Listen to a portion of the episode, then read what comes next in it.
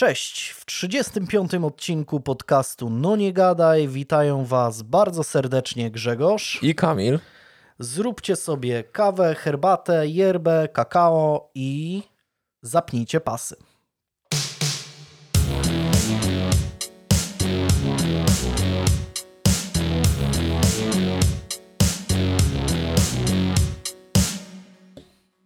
Czego by tu zacząć? Bo dużo czasu minęło. Myślę, że że jedną z takich e, podstawowych kwestii, która zelektryz elektryzowała mm, Polaków ostatnio, to, to zmiana. E, Myślałem, że znowu coś o skokach narciarskich będzie, nie będę wiedział, co, nie, jak do tego podejść. Nie, ale, ale na sportowo, na sportowo selekcjoner kadry nam się, nam się zmienił piłkarskiej. No jak, to, to już na świeżo wręcz. Jak znajdujesz ten, ten, ten, ten, ten te zmiany? Jak ty, Jakie masz refleksje z tym związane?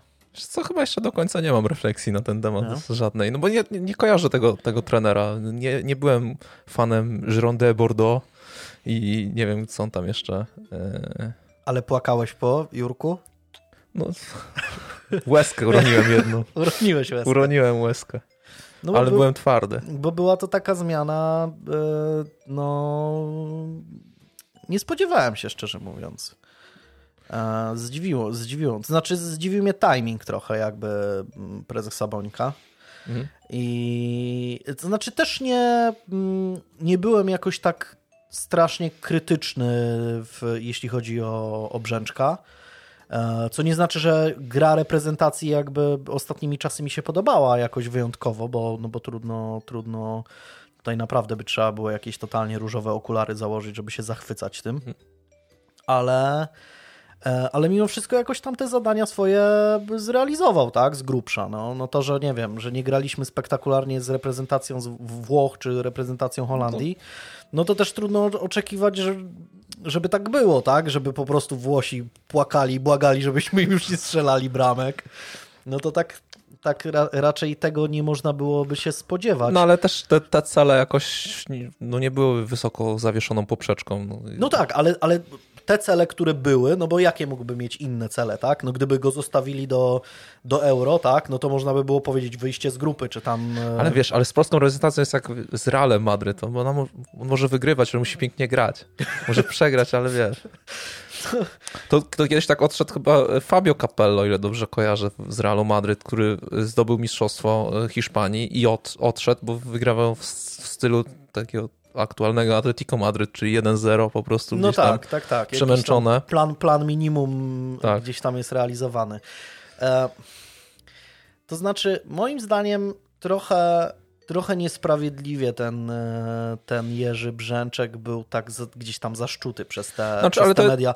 Moim zdaniem e, to nie tak, że, że powinno się go, nie wiem, głaskać, ale nie przypominam sobie, już, już dawno nie było e, takiej sytuacji, żeby trener reprezentacji, selekcjoner reprezentacji był tak gnojony gdzieś tam przez wszystkie media, wręcz, wręcz wyśmiewany, tak jakby był totalny, totalnym gdzieś tam zerem, tak? No, nie no, z tego się nie, nie dało wyjść mi, po prostu. To mi się nie? nie? do końca podobało i wydaje mi się, że, że ten... Yy, yy, to był już taki moment, w którym po prostu yy, faktycznie Brzęczek nie mógł wyjść z tego z twarzą. Znaczy jakby, tak, nie? bo teraz by przegrywali e, mecz za meczem, wina Brzęczka, by wygrywali, to wbrew Brzęczkowi zawodnicy tak, ugrywają tak, mecze, tak, nie? No. Więc z tego się nie dało po prostu wyjść już. Tak samo nie dało się już wybrać nowego trenera też z Polski, bo też by miał zaraz takie piętno od razu z góry narzucone, że kogo wy wybieracie. Nie? Ale też yy, jakby nastroje, w, które pojawiły się gdzieś tam na Twitterkach i tak dalej, świadczyły o tym, jak bardzo Polacy, polscy kibice są wystrzelni w kosmos, nie? Nie no, Allegri, ale ja liczyłem, że Allegri. Valverde, Allegri, Pochettino, kurwa, wiesz, no... no, no trochę... Trochę no. mam wrażenie, że no tak, zwalniamy Brzęczka, zatrudniamy, kurde, Jurgena Klopa, tak? No trochę... No tak, trochę no to trochę są... jak wiesz, jak masz wiesz, w swoim miasteczku masz lider Price'a i później myślisz, że IKEA założy po nim, nie? No, no, no, no, no sorry, no trochę, trochę, trochę, trochę to jest, e, trochę to świadczy jakby o, o jakichś takich totalnie galaktycznych e, oczekiwaniach polskiego kibica, nie? Że, że okej, okay, no mamy tego, mamy tego Roberta, mamy piłkarzy grających w mm, w światowych klubach, ale no be, bez przesady, nie? Bez przesady. No, ym, zobaczymy tak naprawdę. No trudno jest cokolwiek wyrokować. Zobaczymy, no, co Bozia da. No ci, którzy, którzy już teraz jakby są totalnie rozczarowani tym, tym wyborem, no to wydaje mi się, że to, to nie da się ich zadowolić tak naprawdę, no bo prawdopodobnie zupełnie nie znają jakby możliwości tego, tego, tego, tego człowieka. Zobaczymy, co przyniesie, co przyniesie czas. A tak to co, co, co słychać? No wszystko co, w porządku, dziękuję jak... bardzo. Jakieś, nie wiem, znaczy o skokach, o skokach narciarskich nic nie opowiem ciekawego, więc... Wczoraj oglądałem e, zawody w Lachti.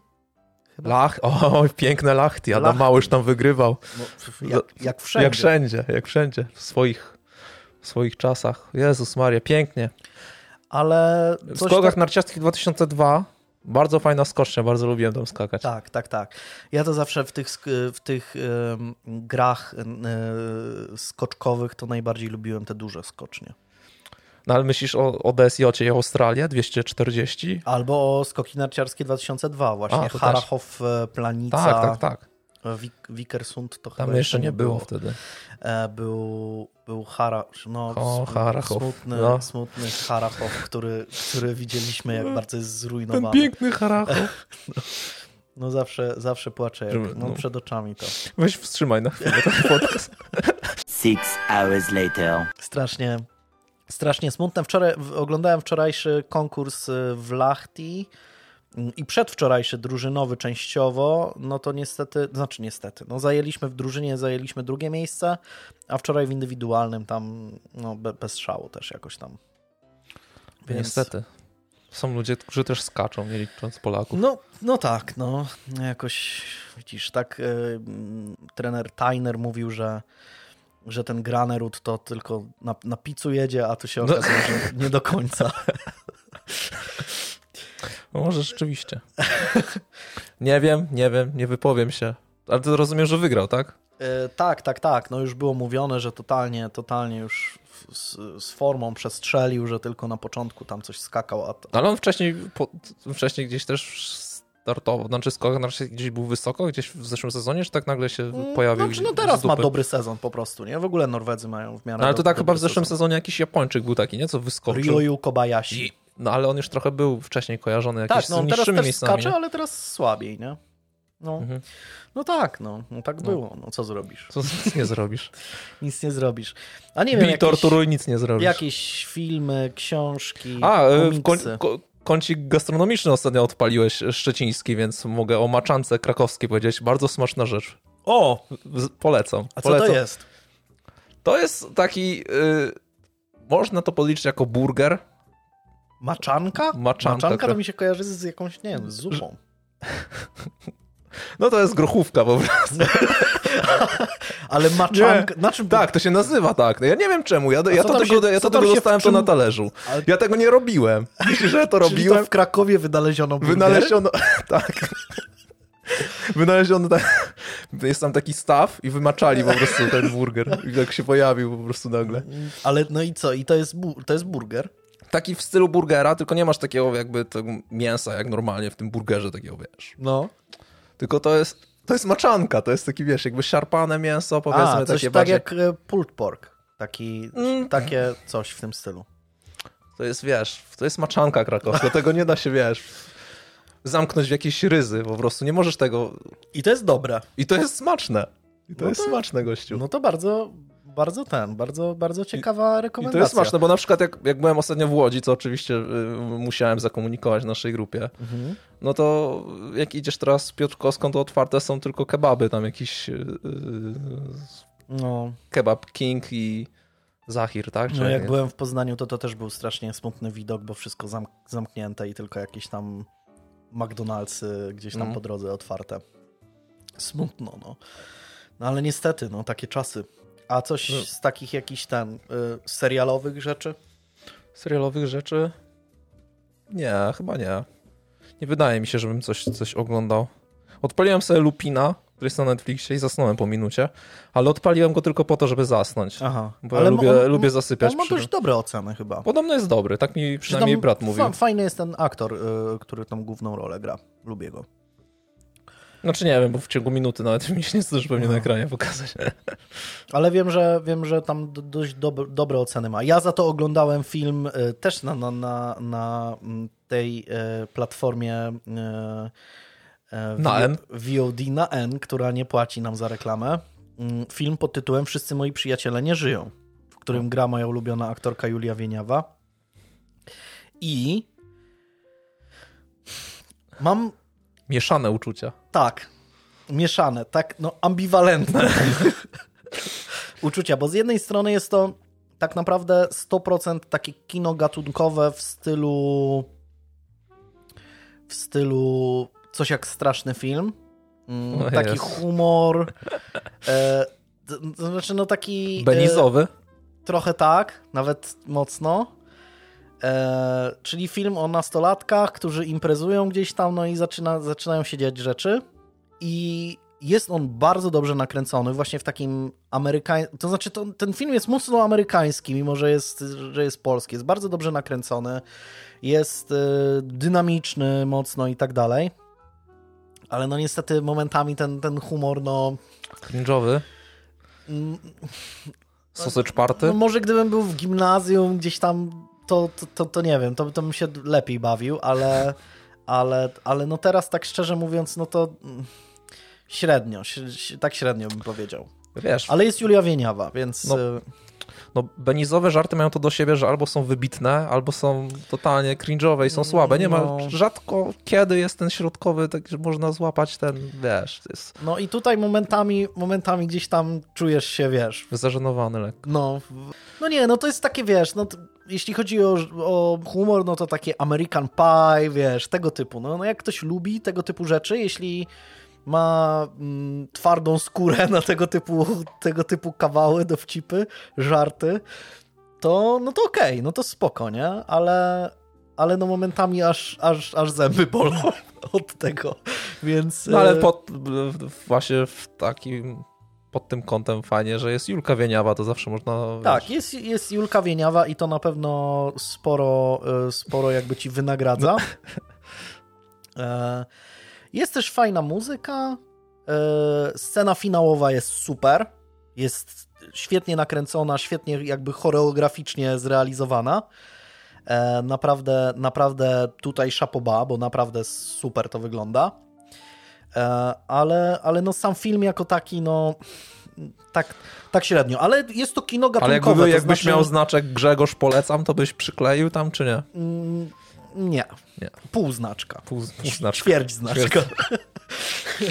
Więc. e, Tylko samo Grzegorz no, no właśnie. Mm, ale wiesz, z drugiej strony jest to jakby kino typowo gatunkowe. To tak jakbyś poszedł na western i powiedział, nie no kurwa, rewolwery, jakieś kapelusze, ja nie wiem, co w tym chodzi, nie? No, no, nie, nic ciekawego, nie? Nie ma pościgów No. na przykład samochodowych, No. ani nie wiem. Zero helikopterów. No, albo no, no nie można, jakby nie można mieć, Mieć pretensji do, do filmu w takim stylu, że jest właśnie w takim stylu. No jeśli ktoś ma ochotę obejrzeć taki film, akurat taki, tak, typ po, połączenie strasznego filmu z American Pie, to będzie ukontentowany. No to ja Więc- nie mam takiej ochoty. No to, no to widzisz. A, i, a jeśli, jeśli nie masz takiej ochoty, to chociaż sobie e, kliknij w to i zobacz. w którejś minucie jest Julka Wieniawa. Julka Wieniawa jest i i jest nawet dość często. Masz i... wszystkie, jak wiesz, jak w komentarzach sami na YouTubie masz, wiesz, w komentarzu Tak, wykreślone, tak. w które, które Cza- minuty, nie? czasoznaczki. Czasoznaczki. E, To tak, to Julka, Julka, Wieniawa, Julka Wieniawa jest. E, Ja mam wrażenie w ogóle, że Julka Wieniawa sobie obrała ostatnimi czasy granie w takich śmieciowatych różnych filmach i ogólnie ja ją wspieram w tym, w tym postanowieniu. To jest, to jest fajna opcja. Te wszystkie właśnie w lesie dziś nie zaśnie nikt, no to nie jest kino jakichś wysokich lotów, ale fajnie, fajnie. Fajnie, ja ją, ja ją cenię za to, że, że dziewczyna ma dy, dystans do siebie i, i, i po prostu mierzy gdzieś tam siły na, na, na zamiary, bardzo, bardzo dobrze. ale właśnie, jeśli, i, i, i, jeśli nie masz ochoty na taki film, to chociaż sobie kliknij i zobacz tę ostatnią scenę, e, gdzie się dzieje, dzieją cuda. To znaczy tam przedostatnią, powiedzmy, scenę, bo później jest jeszcze taki, taki epilog e, krótki. Ale jest naprawdę, jest naprawdę mega. Podejrzewam, że ona na YouTubie już gdzieś tam krąży czy coś. E, więc jest naprawdę e, super.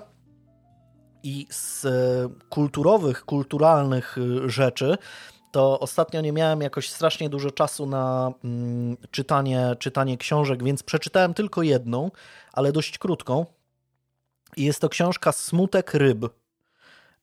Jest to zbiór wywiadów Hanny Kral, która mm, w 1983 roku ze względu na swoje tam różnego rodzaju mm, polityczne problemy, jakby e, została mm, zwolniona z redakcji i przygarnęło ją, e, przygarnęła ją redakcja gazety, która się nazywa Wiadomości Wędkarskie.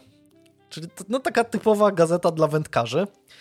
E, I ona tam miała swoją rubrykę, w której prowadziła wywiady z różnymi, z różnymi ludźmi. E, z socjologami, z historykami sztuki, jakimiś takimi różnymi rzeczami. I wszystkie te wywiady kręciły się dookoła ryb, ale były na przeróżne tematy. Na, na temat jakiegoś malarstwa renesansowego, na temat architektury romańskiej, coś tam. I zawsze ten temat ryb gdzieś tam się przewijał. I ta książka jest naprawdę super. To znaczy, to jest książka na wieczór jeden albo nawet pół wieczora. Jest super ilustrowana, pięknie ilustrowana właśnie różnego rodzaju rybami.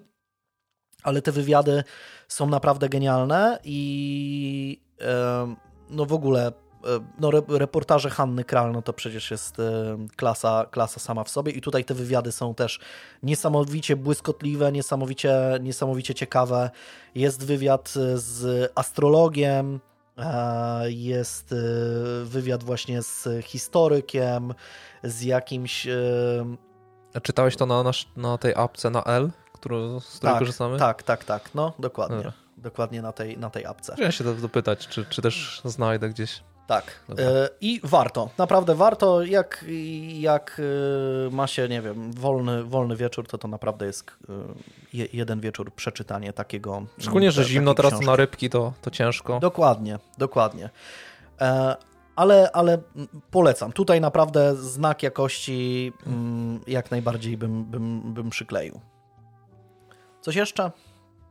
Czy przejdźmy do meritum? do meritum.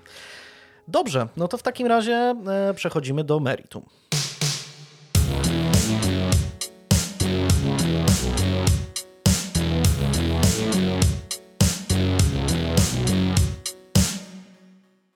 Przede wszystkim, mm, jeśli interesuje Was e, mm, temat Zodiaka, no bo jak już zapowiadałem, mm, w, na, w najbliższych odcinkach e, o nim będzie mowa, a nie słuchaliście naszego poprzedniego odcinka, gdzie opowiadam o sprawie Sherry Joe Bates, to rekomenduję rozpoczęcie od właśnie tej historii, bo jest ona bardzo ważnym wstępem do tej sprawy i przez, mm, przez tych kilka odcinków, które będą e, na temat Zodiaka, będę, będę do tej sprawy też nawiązywał.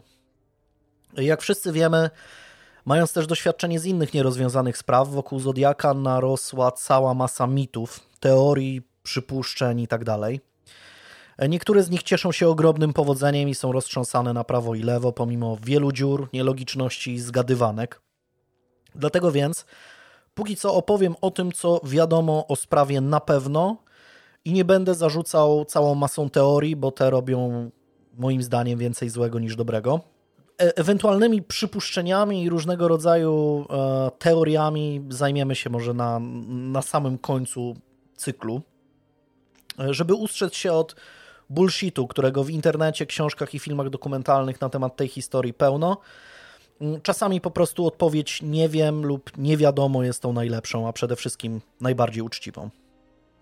Od czasu opisywanej przeze mnie sprawy morderstwa Sherry Joe Bates mijają trochę ponad dwa lata.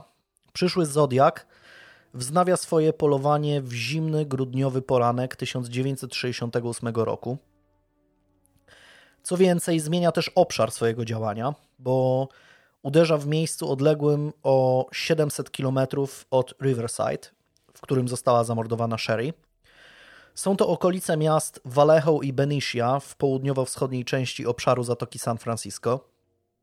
Pomimo tego, że dzisiaj być może te miasta nie mówią zbyt wiele nawet Amerykanom, to mają dość długą historię. Co ciekawe, oba w połowie XIX wieku pełniły przez krótki czas funkcję stolicy Kalifornii, zanim miano to przypadło miastu Sacramento. Kibice NBA mniej więcej pewnie, pewnie kojarzą to, to miasto. Chociaż teraz chyba Sacramento tam szału nie robi, co? Czy... No nigdy nie robił jakiegoś większego show. Nigdy nie robiło, ale tak... Ale kojarzę, NBA, kojarzę. NBA funkcjonuje już od, od Hej, hej, hej, od, od, NBA. Mniej więcej w tym samym czasie na półwyspie Mare Island, położonym w pobliżu mm, obu miast, wybudowano pierwszą bazę marynarki wojennej na zachodnim wybrzeżu, która przez ponad 140 lat swojego istnienia będzie jedną z najbardziej prestiżowych stoczni konstruujących, naprawiających i serwisujących amerykańskie okręty. Jednocześnie przez dziesiątki lat baza na Mare Island e, była miejscem zatrudnienia dla dziesiątków tysięcy mieszkańców e, obu miast i na stałe wpisała się w okoliczny krajobraz i była gwarantem stabilności dla miejscowej klasy średniej. W grudniu 1968 roku Vallejo liczy sobie trochę ponad 65 tysięcy mieszkańców, a w spokojniejszej Benici mieszka ich zaledwie 7 tysięcy. E, właśnie w tamtej okolicy dorasta dwoje nastolatków, e, Betty Lou Jensen i David Faraday. Betty urodziła się 23 lipca 1952 roku, więc w grudniu 1968 ma już skończone 16 lat. Mimo to wygląda na młodszą niż w rzeczywistości jest. Mierząca 1,60 m i ważąca 52 kg, niebieskooka dziewczyna z okrągłą buzią wciąż wydaje się być dzieckiem. Betty jest lubianą i pilną uczennicą w przedostatniej klasie Hogan High School w Vallejo. Ciężko pracuje, by otrzymać stypendium artystyczne, które pozwoli jej na rozwinięcie swoich pasji. E, ma już za sobą pierwsze zauroczenia i krótkotrwałe związki, które polegają głównie na rozmowach i wspólnych przechadzkach po korytarzach liceum. Jednak jej pierwszym poważnym chłopakiem jest David, a feralnego 20 grudnia mają mieć swoją pierwszą randkę. David y, Arthur Faraday urodził się 2 października 1951 roku, jest więc rok starszy od Betty i chodzi do ostatniej klasy Vallejo High School. Jego pociągła twarz i spore usta nie czynią z niego może przystojniaka, ale ewidentnie nadrabia wdziękiem i poczuciem humoru, e, dzięki którym nie może narzekać na brak zainteresowania ze strony dziewcząt. Chłopak od wielu lat jest skautem i zapracował sobie na najwyższy e, stopień w tej organizacji. To jest dokładnie organizacja Eagle Scout.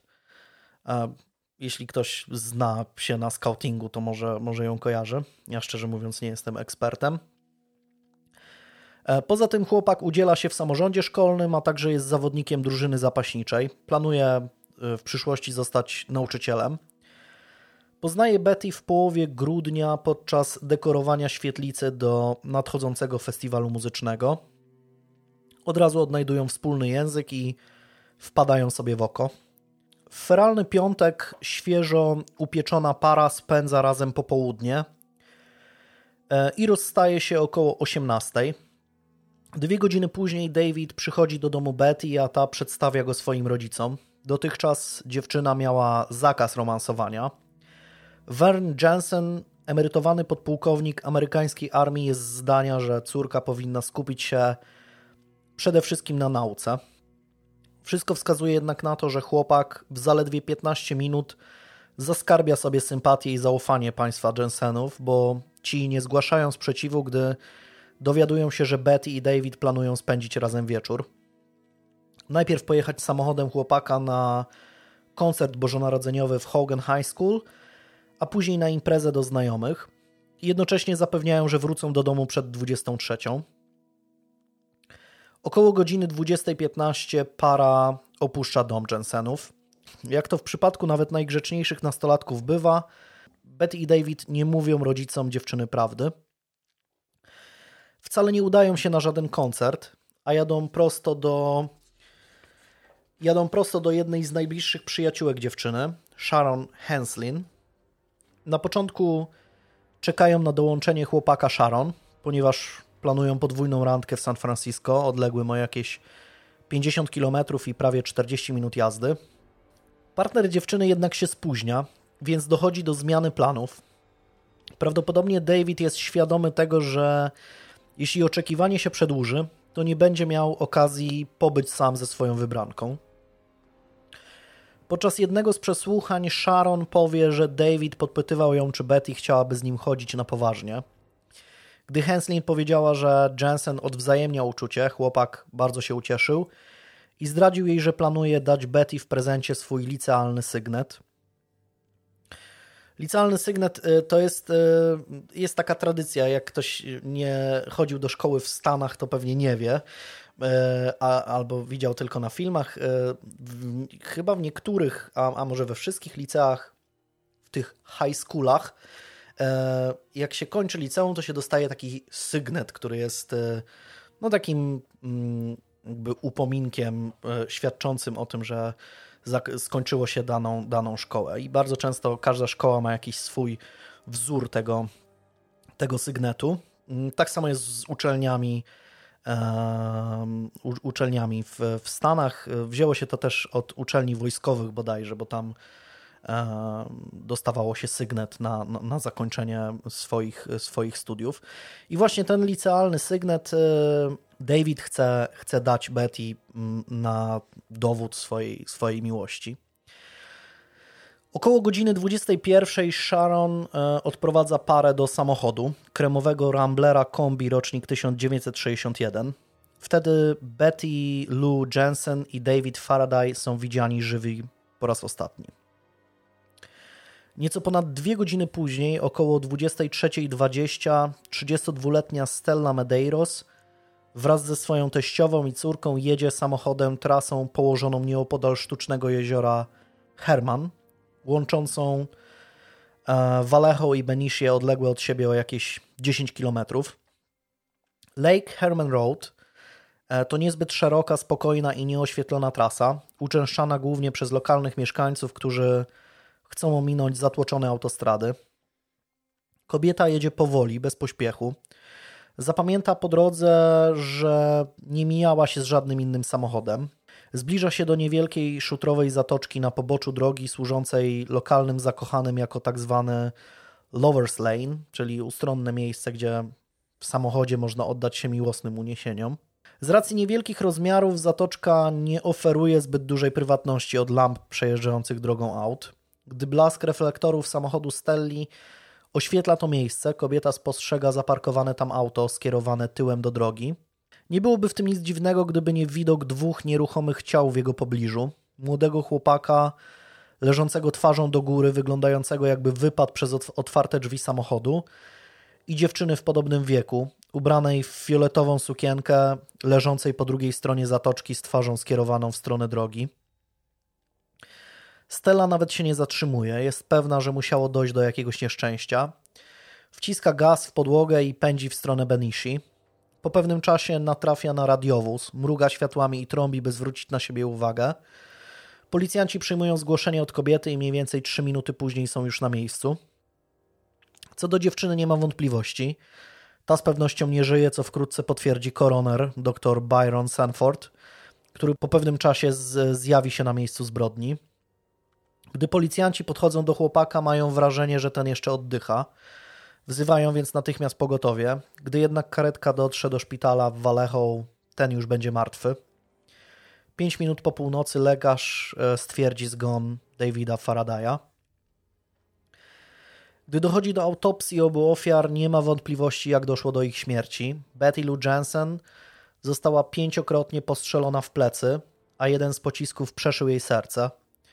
Patolog zapisze, tu cytat, rana postrzałowa z prawej do lewej, penetrująca oba przedsionki.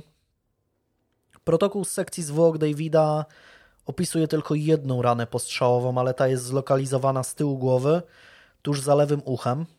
Pocisk tkwi w mózgu chłopaka. Analiza balistyczna ujawnia, że obie ofiary zostały zastrzelone z broni półautomatycznej kaliber 22 a napastnik użył amunicji Winchester Western Super X Long Rifle, przeznaczonej głównie do broni sportowej. Jest to w ogóle mały kaliber, raczej właśnie mm, typowy dla broni mm, sportowej. Podobno jest to też e, standard przy amunicji e, w różnych dyscyplinach olimpijskich, strzeleckich. Na początku śledczy podejrzewają, że sprawca był uzbrojony w broń długą, ale specjaliści od balistyki z biura stanowego dochodzą po pewnym czasie do konkluzji, że był to mm, model, że, to był, że był to pistolet mm, model JC Higgins e, model 80 lub High Standard M101 Duramatic. Tak naprawdę są to dwie różne nazwy dla praktycznie identycznej broni. Oba zasilane są magazynkiem na 10 nabojów. E, na miejscu też znaleziono 10 łusek, co potwierdzałoby tę wersję.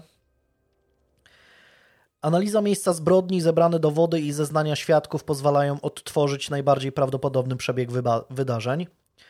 Pomiędzy godziną 22 a 22.15 David i Betty podjeżdżają Ramblerem do ustronnej zatoczki przy Lake Herman Road, stając tyłem do drogi. Świadek, który tędy przejeżdżał e, około godziny 23, zezna, że widział auto Davida, a w środku dwoje młodych ludzi. Chłopak siedział za kierownicą, a dziewczyna na siedzeniu, na siedzeniu pasażera. Zapamięta też, że ona opierała głowę na jego ramieniu. W przeciągu mniej więcej 15 minut na miejscu pojawia się samochód napastnika, który parkuje maksymalnie 3 metry od auta Davida. Wszystko wskazuje na to, że sprawca próbuje zmusić parę do wyjścia z auta. Ci jednak stawiają opór, więc ten traci cierpliwość i oddaje dwa strzały.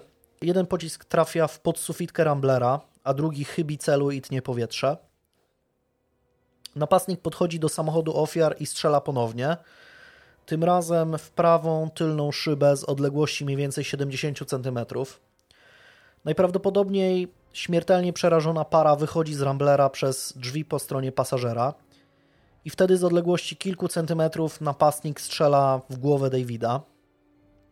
Betty Lou instynktownie podejmuje próbę ucieczki, ale ten oddaje w jej stronę kolejnych sześć strzałów, aż pięć dosięga celu. Pierwszy z nich musi paść jeszcze z dość bliskiej odległości, e, bo podczas autopsji w okolicy jednej z ran wlotowych znalezione zostają e, bardzo niewielkie ilości prochu. Dziewczynie udaje się oddalić o zaledwie 10 metrów i upada. Wszystko musi trwać dosłownie kilka chwil. Pomimo tego, że śledczy na początku dopatrują się najbardziej oczywistych motywów zbrodni, wszystkie zostają odrzucone. Rabunek nie ma najmniejszego sensu, ponieważ trudno byłoby się spodziewać po dwójce nastolatków jakichś dużych pieniędzy czy kosztowności. Nic wartościowego również nie zginęło z samego samochodu. Napastnik najprawdopodobniej w ogóle nie otworzył drzwi Ramblera. Wszystkie oprócz tych e, po stronie pasażera są zaryglowane. Kolejnym samonasuwającym się tropem jest napaść seksualna, ale nie ma żadnych przesłanek, e, które mogłyby sugerować taką motywację sprawcy. Mm, sporo uwagi śledczy poświęcają też wersji, według której morderca, mordercą był ktoś osobiście znający Betty lub Davida, czy zarówno ją i jego. Miejsce ataku jednak wydaje się temu zaprzeczać. Co prawda, na początku policjanci pilnie przyglądają się jednemu z byłych zalotników Betty, Rickiemu Bartonowi. No, ten trop wydaje się być obiecujący, gdy niektórzy znajomi dziewczyny informują śledczych, że David wszedł z, z tym chłopakiem w konflikt. Ale ma on niepodważalne alibi. Szybko jasne staje się, że nie mógłby być sprawcą. Ofiary prawdopodobnie nigdy wcześniej nie odwiedzały zatoczki przy Lake Herman Road, więc ktoś, kto czyhałby na ich życie, nie mógłby się spodziewać, że właśnie tam ich zastanie. O tym, że napastnik wytypował swoje ofiary w sposób losowy, świadczy też notatka spisana po przesłuchaniu świadka, który zgłasza się do śledczych 22 grudnia. W dokumencie jest zapisane, że William Crow e, feralnego 20 grudnia pojechał wraz ze swoją dziewczyną na przejażdżkę jej nowym sportowym samochodem i między godziną 21.30 a 22.00 zatrzymali się w tej samej zatoczce przy Lake Herman Road, gdzie wkrótce miało dojść do morderstwa.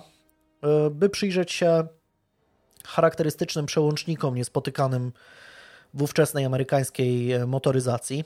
Chwilę później miał ich minąć niebieski samochód, prawdopodobnie Plymouth Valiant, który zatrzymał się na drodze, co wzbudziło podejrzenia Williama i jego towarzyszki.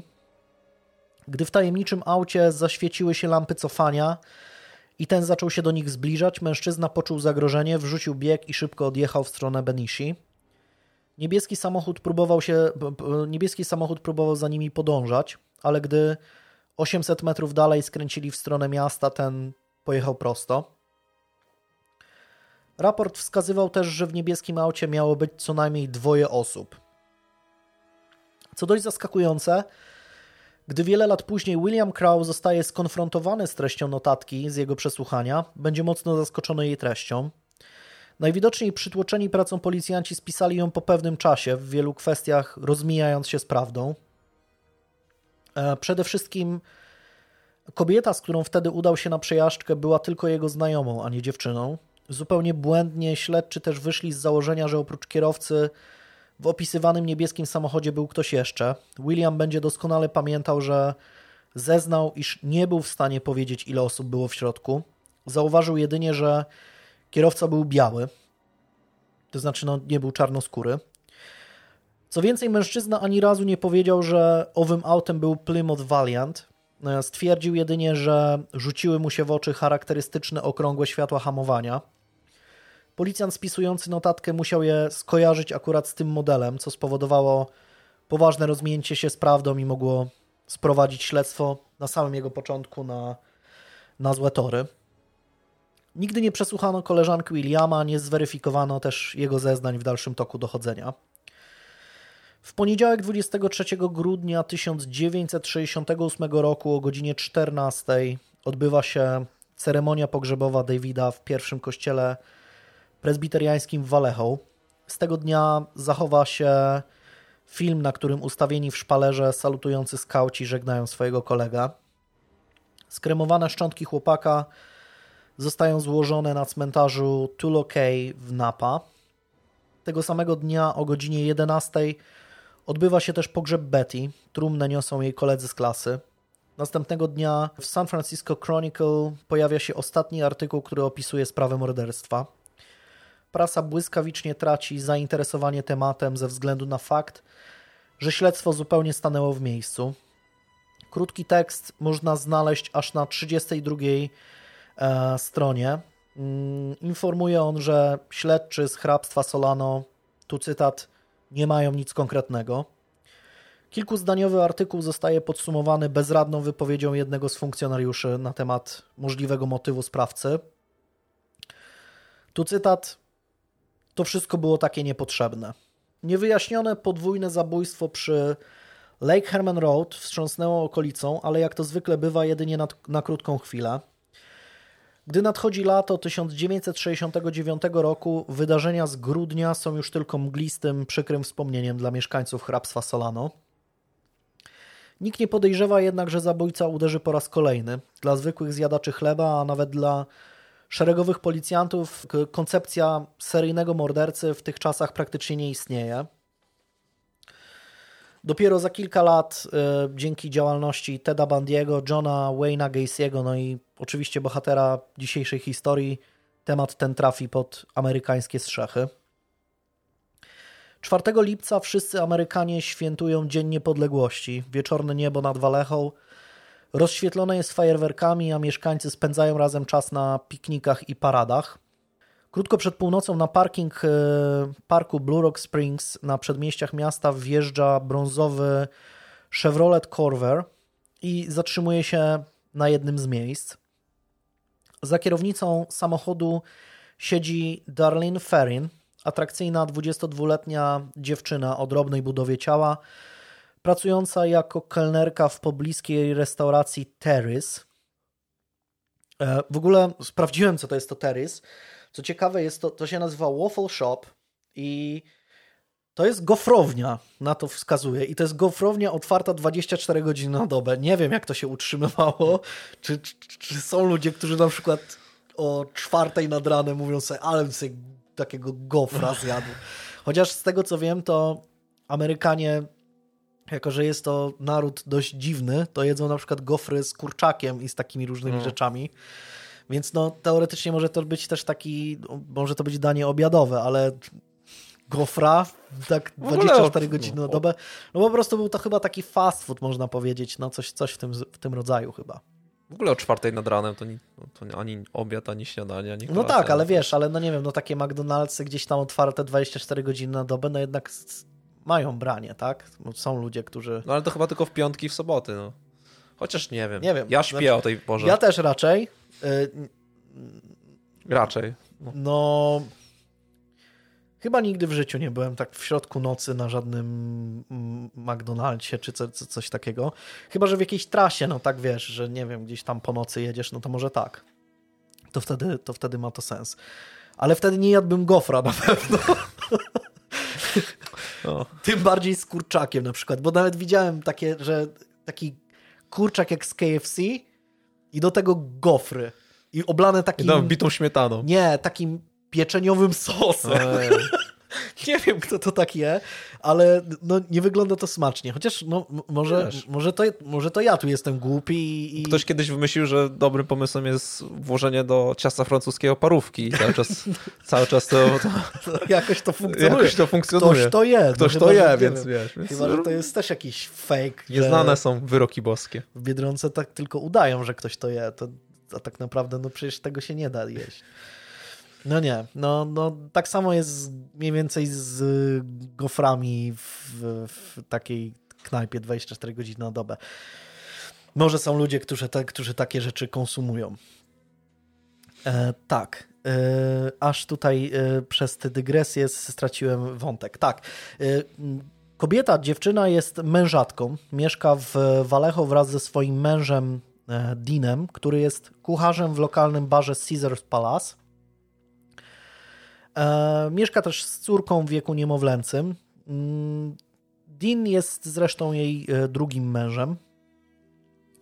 Kobieta ma łatwość nawiązywania relacji. Goście restauracji, w której pracuje, zapamiętują ją jako bardzo przyjazną i charyzmatyczną. Pomimo tego, że na temat e, jej niewierności krążą różne plotki, bo dziewczyna często jest widywana w towarzystwie mężczyzn, nie ma żadnych dowodów na to, że dopuściła się kiedykolwiek poważnej zdrady. Jeśli utrzymuje jakiekolwiek pozamałżeńskie relacje seksualne, to jest wyjątkowo dyskretna. Nie podlega jednak wątpliwości, że nieszczęśliwa w swoim już drugim małżeństwie kobieta szuka mm, alternatyw. Na siedzeniu pasażera brązowego Corvera nie siedzi mąż kobiety, a właśnie jeden z jej przyjaciół, kochanków, zwał jak zwał. Jest to 19-letni Mike Mejot, wysoki, szczupły brunet. Mm, Koścista budowa ciała jest jego poważnym kompleksem, więc nosi kilka warstw ubrań, by wyglądać na bardziej muskularnego. Pomimo tego, że niedawno ukończył Hogan High School, to nie ma zbyt wygórowanych ambicji. Pracuje w firmie ojca, która zajmuje się zwalczaniem szkodników, jakąś deratyzacją i tego typu rzeczami. Mike razem ze swoim bratem bliźniakiem w czerwcu tego samego roku odwiedzili restaurację, mm, odwiedzili to właśnie gofrownię, no to chyba on, ale to chudy jest, to aż dziwne, że jadł gofry po nocy i ten, i, i- jest kościsty. No może miał jakąś przemianę materii bardzo dobrą. No ale y, odwiedzili właśnie tę restaurację Teres i mm, od razu wpadła im w oko przebojowa kelnerka. Pomimo tego, że obaj starali się o jej względy, to szybko stało się jasne, że to Mike jest jej faworytem. Przebieg wydarzeń z 4 lipca chłopak szczegółowo opisze śledczym ze szpitalnego łóżka.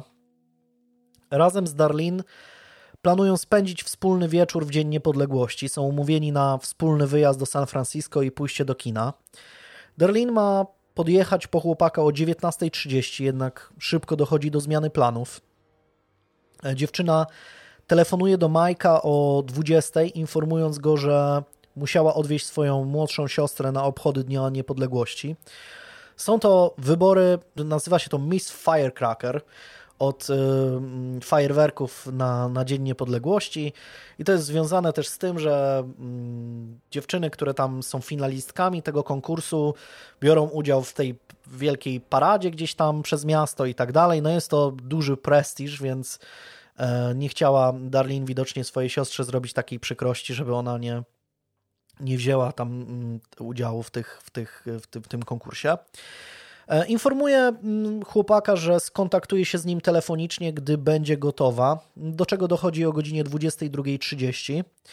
Darlene mówi, że zaraz wyjeżdża. Około godziny 23.30 Mike wychodzi z domu i wsiada do samochodu dziewczyny.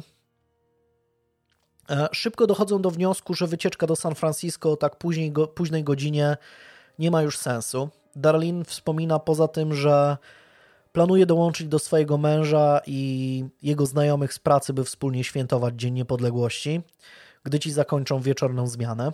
Postanawiają, że pojadą coś zjeść i kierują się w stronę restauracji Mr. Ed's. Gdy jednak już się do niej zbliżają, dziewczyna zawraca i kieruje się na wschód, mówiąc Mike'owi, że muszą porozmawiać. Nie zdradza jednak, co ma być tematem tej dyskusji. E, chłopak sugeruje, żeby w takim razie zatrzymali się na parkingu parku Blue Rock Springs. E, dojazd na miejsce zajmuje im zaledwie kilka minut. Co ciekawe, parking ten i e, zatoczkę przy Lake Herman Road, w której doszło pół roku temu do podwójnego zabójstwa, dzieli zaledwie 6 kilometrów. Derlin parkuje samochód, gasi światła i silnik, zostawiając tylko włączone radio. Po chwili na miejscu zjawiają się trzy samochody. Ich pasażerami są jakieś hałaśliwe dzieciaki wrzeszczące i rzucające petardami. Nie mija jednak kilka minut i odjeżdżając, szukając jakichś innych wrażeń. Co dość, dość istotne, e, ten, ten parking, na którym się zjawiają, też ma mm, sławę właśnie takiego Lover's Lane, gdzie po nocy gdzieś tam e, podjeżdżają jakieś pary i tam. Na buzi buzi. Na buzi buzi w samochodzie przysłowiowe. Niedługo po tym na parkingu pojawia się kolejne auto, które parkuje mniej więcej 2 metry, na, 2 e, metry za brązowym Chevroletem Corvair należącym do Darlin. Kierowca gasi światła i przez dobrą minutę mm, nic się nie dzieje. Sytuacja budzi podejrzenia Majka. Parking jest dość spory, a ktoś z jakiegoś powodu zaparkował akurat tuż za nimi. Pyta się Darlin, czy poznaje tę osobę, ale ona bagatelizuje sprawę. Nie przejmuj się, odpowiada. Dokładnie używa słów never mind. Chłopak nie wie tak naprawdę, jak zinterpretować tę odpowiedź. Mm, Mike nie zapamięta marki ani koloru samochodu, ale będzie twierdził, że był on podobny do Chevroleta, w którym siedzieli. Mniej więcej po minucie auto również opuszcza parking i z dużą prędkością kieruje się w stronę Vallejo.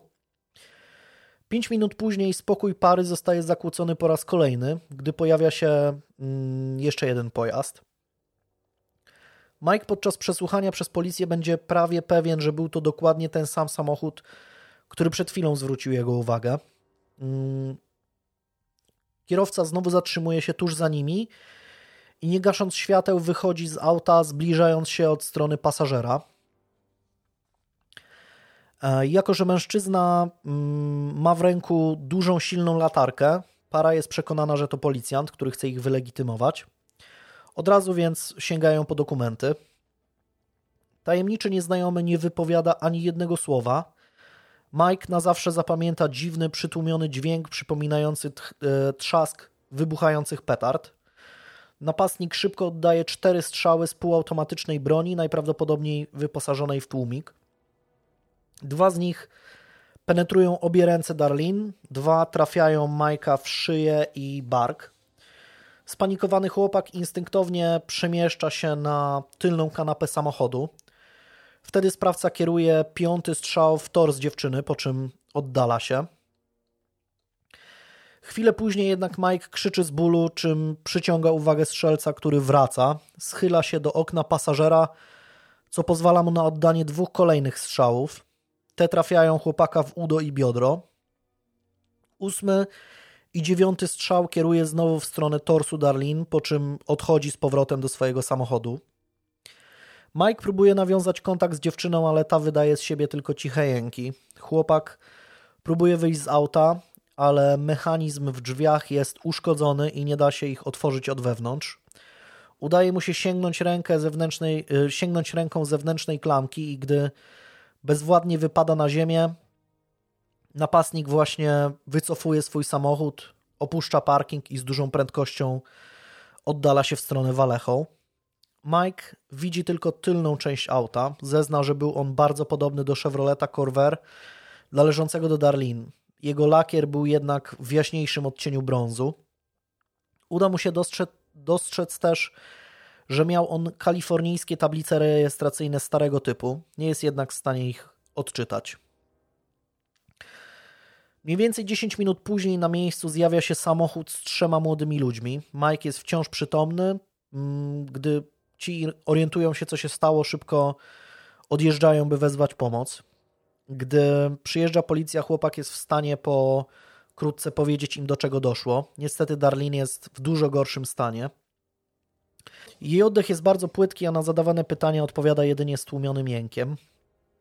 Obie ofiary karetka zabiera do szpitala w Vallejo. Niestety dziewczyna umiera w drodze. E, Richard Hoffman, policjant, który wsiadł do ambulansu, którym transportowana była Darlin, wiele lat później w jednym z wywiadów będzie wspominał widok, który utkwił w jego pamięci. Podczas gdy sanitariusz dokonywał resuscytacji, za każdym razem, gdy wtłaczał powietrze do ust dziewczyny, materiał jej e, stanika delikatnie się podnosił, co świadczyło o tym, że jeden z pocisków przedziurawił jej płuco. Mike ma więcej szczęścia, trafia na oddział intensywnej terapii, zostanie poddany operacji i z czasem wróci do zdrowia. Napastnika opisze jako białego, krępego mężczyznę o masywnej budowie ciała między 26 a 30 rokiem życia, mierzącego mniej więcej 1,70 m, ważącego około 90 kg. Sprawca miał krótkie, jasno-brązowe, prawie blond, e, kręcone włosy. Nosił niebieską koszulę z krótkim rękawem. Wiele więcej nie jest w stanie powiedzieć. Gdy śledczy są już obecni na miejscu zbrodni i zabezpieczają dowody, 40 minut po północy operatorka Wydziału Policji w Vallejo odbiera telefon. Słyszy monotonny głos, który mówi: Chciałbym zgłosić podwójne morderstwo. Jeśli pojedziecie Columbus Parkway, jedną milę na wschód do parku, znajdziecie dzieciaki w brązowym samochodzie. Zostały zastrzelone z 9 mm Lugera. Zabiłem także te dzieciaki w zeszłym roku. I po tym komunikacie następuje, mm, znaczy ten komunikat zostaje prawdopodobnie albo odczytany z kartki, albo wyuczony, bo ten głos właśnie jest taki totalnie monotonny, taki zupełnie bez, bezpłciowy.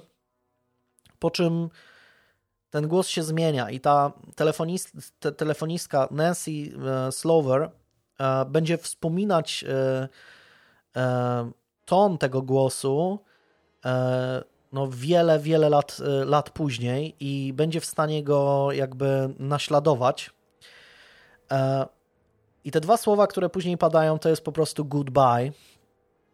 I ten człowiek, który zadzwonił wtedy na policję, E, mówi to w stylu good bye. Czyli no jak z totalnego jakiegoś horroru, jakiś totalny świr. E, I ona, mm, będąc już, już naprawdę wiekową kobietą, będzie w stanie, mówi, że cały czas słyszy ten, ten, ten głos, który jest niby próbuje być groźny, ale jest taki mocno prześmiewczy. W ciągu kilku minut policjanci namierzają telefon, z którego skorzystał sprawca. Jest to budka telefoniczna położona przy zamkniętej stacji benzynowej na rogu, na rogu ulic e, Tuolumne i Springs Road. E, co ciekawe, morderca najwidoczniej postanowił zagrać mundurowym na nosie, bo budka jest oddalona od siedziby policji o zaledwie kilometr. Gdy jednak Radiowozy zjawiają się w tym miejscu podzwoniącym, oczywiście nie ma już śladu. W toku śledztwa udaje się dotrzeć do świadka, George'a Bryanta, który wraz ze swoim ojcem mieszka na terenie pola golfowego, zaledwie 250 metrów od miejsca, w którym doszło do morderstwa. Chłopak zezna, że przed północą patrzył przez okno swojej sypialni w kierunku parkingu. Pomimo tego, że E, widok zasłaniały mu drzewa, to słyszał dokładnie, co tam się działo. Na początku George usłyszał śmiech i głośny trzask odpalanych petard, co zgadzałoby się z tym, co policji przekazał Mike. Po pewnym czasie mm, usłyszał pojedynczy strzał z broni palnej, po krótkiej przerwie kolejny, a później po kolejnej krótkiej przerwie kilka strzałów następujących jeden po drugim. Gdy ustały, wyraźnie usłyszał samochód opuszczający parking z piskiem opon. George był absolutnie pewien, że strzały były wyraźnie słyszalne i dużo głośniejsze od petard, co kłóciłoby się z tym, jak wydarzenia zapamiętał Mike, który twierdził, że odgłos broni był zdecydowanie stłumiony. Tutaj mm, no jest to też kwestią dyskusyjną, czy faktycznie sprawca użył tłumika, czy nie. Należy też wiedzieć, że e, w niektórych na przykład grach komputerowych albo filmach jakby efekt tłumika jest mocno przesadzony. mocno przesadzony. To nie jest tak, że ktoś, nie wiem, e, nad uchem ci strzela z tego pistoletu i ty tego praktycznie nie słyszysz, albo słyszysz tylko jakiś gwizd delikatny. No ten, ten dźwięk nie niesie się aż tak mocno. Tak naprawdę głównie chodzi o jego, ten, że ten huk nie, tak się nie niesie, ale jest wyraźnie słyszalny. Jest to mniej więcej... E, no właśnie mniej więcej tak jak trzask petardy takiej, e, ta, takiego korsarza gdzieś tam, tak? No jest to wyraźnie słyszalny dźwięk. Gdyby ci taka petarda gdzieś tam wybuchła w, w domu, to byś to słyszał, tak? Ale pewnie sąsiad w domu obok by tego już nie słyszał. Więc, więc taka, jest, taka jest tak naprawdę różnica. W, w słynnym filmie Zodiak e, jest ewidentnie pokazane, że morderca użył e, tłumika, ale jest to mm, zostało to tak naprawdę podważone przez, e, przez właśnie tego świadka. Należy też mm, zdawać sobie sprawę z tego, że no, w momencie, kiedy do człowieka się strzela, czyli Mike, który twierdził, że te odgłosy były cichsze czy coś, no mógł mieć w pewien sposób jakby zaburzoną optykę, bo pewnie był po raz pierwszy gdzieś tam pod ostrzałem i, i mógł rzeczy zapamiętać w innym, w innym, e, w innym stylu, ten przebieg gdzieś tam zupełnie, zupełnie inaczej. On twierdził w ogóle, Mike też wie, w, tym, w tym pierwszym swoim e, e, w, w, w, tym pierwszy, w tych pierwszych zeznaniach, przy pierwszych przesłuchaniach twierdził, że to trwało dużo dłużej, a jakby tak naprawdę no nie mogło trwa, trwać dużo dłużej, no ale w, w, sytuacjach jakiegoś granicznego stresu, no to oczywiście to nam się ten bullet time gdzieś tam włącza i, i, i ten, ten czas się ro, rozciąga. Pożycie się rozciąga i wena jest King Konga. Gdy zdrowie rannego chłopaka jest już nieco podreperowane i może on opuścić szpital, zostają mu przedstawione zdjęcia podejrzanych, których udało się wytypować policji. E, niektórzy wydają się funkcjonariuszom bardzo obiecujący, Mike jednak zdecydowanie odrzuca każdego z nich. Na zaprezentowanych fotografiach nie widzi strzelca z Blue Rock Springs. W dniach nadchodzących po ataku Vallejo Times Herald opisuje szczegóły morderstwa, najwidoczniej na prośbę służb, modyfikując kilka detali. Przede wszystkim to, że użytą bronią był konkretnie Luger. W artykule pojawia się jedynie informacja, że sprawca posłużył się bronią automatyczną kaliber 9 mm. 8 lipca pojawia się kolejny artykuł, który ujawnia, że mężczyzna w rozmowie telefonicznej przyznał się też do zamordowania Betty Lou Jensen i Davida Faradaya. Dla mieszkańców hrabstwa Solano staje się jasne, że wśród nich kryje się zabójca, którego sposób i motywacja działania zdaje się przeczyć jakiejkolwiek logice. W wywiadzie dla Vallejo Times Herald jeden z policjantów bezradnie przyzna mamy świra na wolności. Póki co morderca, który już niedługo nazwie siebie Zodiakiem, nie różni się znacznie od swoich poprzedników i następców. Zabija przy użyciu noża, ale to przecież jest stare jak świat. Zabija przy użyciu pistoletu, ale to też przecież no, trudno tutaj o oryginalność. Prowokacyjnie kontaktuje się ze śledczymi, ale to też robił już m.in. Kuba Rozpruwacz. Zabójca Sherry Joe Bates, Davida Faradaya, Betty Lou Jensen i Darlene Ferrin postanowił wyróżnić się w zupełnie inny sposób. Jaki? O tym opowiem w kolejnym odcinku. I oczywiście będziemy kontynuować tego Zodiaka. Spróbujemy rozwiązać e, zagadkę, kim on mógł być i jaki mniej więcej profil odpowiadałby jego, jego działaniu. Mam nadzieję, że dojdziemy do jakichś, jakichś ciekawych konkluzji. To, co najbardziej, najbardziej lubię, e, to, to dyskusje na, na, na, na tematy, które pojawiają się e, w odcinku, e, więc jeśli macie jakieś przemyślenia na temat mm, tego, o czym, o czym opowiadałem, czy macie jakieś przemyślenia związane z tym, kim mógłby być Zodiak, to, to oczywiście mm, będzie, będzie super, jeśli sobie na ten temat e, pogadamy. A w takim razie teraz ja słucham Ciebie.